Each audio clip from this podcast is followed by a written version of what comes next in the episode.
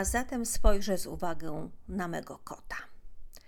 Ponieważ pierwszy promień boskiej chwały na wschodzącym niebie wielbi po swojemu. Ponieważ czyni to okręcając swe ciało siedmiokrotnie ze śmigłą elegancją.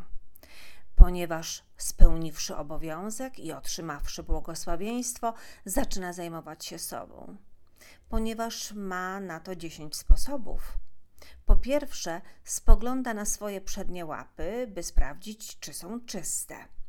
Po drugie, wychyla się do tyłu, by i tam się oczyścić. Po trzecie, wypręża wtedy przed siebie przednie łapy. Po czwarte, ostrzy pazury o drzewo. Po piąte, myje się. Po szóste, po umyciu turla się. Po siódme, poluje na pchły, by nie przeszkodziły mu w walce. Po ósme ociera się o pień, po dziewiąte spogląda w górę, by wysłuchać instrukcji. Po dziesiąte odchodzi w poszukiwaniu pożywienia.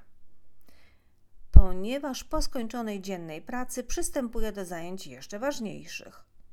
Ponieważ nocą nie spuszcza władczego wzroku ze swych przeciwników. Ponieważ zmaga się z siłami ciemności mocą swej naelektryzowanej sierści i jarzących oczu ponieważ zmaga się z diabłem, który jest śmiercią, mocą swej nieujarzmionej żywotności, ponieważ swym porannym rytuałem wielbi słońce, a ono wielbi jego, ponieważ pochodzi z plemienia tygrysa. Nadeszła już godzina wstępującej ciemności i szczyt dachu, na którym leżał łowca, okrywał cień. Śnił właśnie o skakaniu i fruwaniu w powietrzu, gdy poczuł dziwne mrowienie w wąsach. Fritti łowca, dziecko polującego ludu, ocknął się natychmiast i wciągnął nosem powietrze. Z postawionymi uszami i nastroszonymi wąsami badał podmuch wieczornego wiatru. Nic specjalnego. Co więc go obudziło?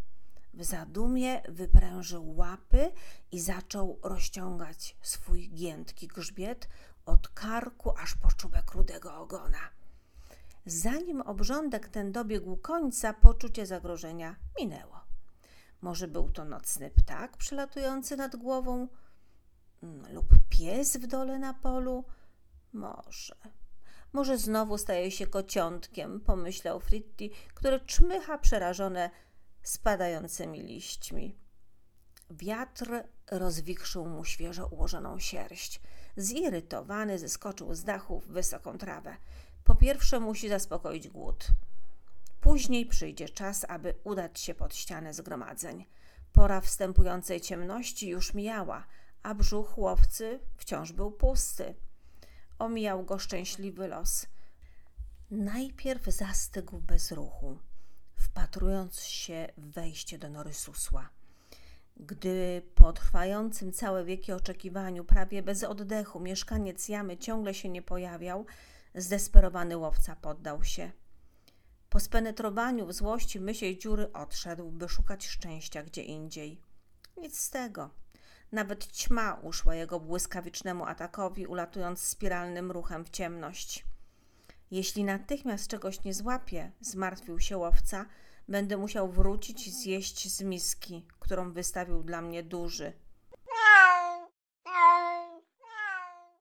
Ted Williams, pieśń łowcy.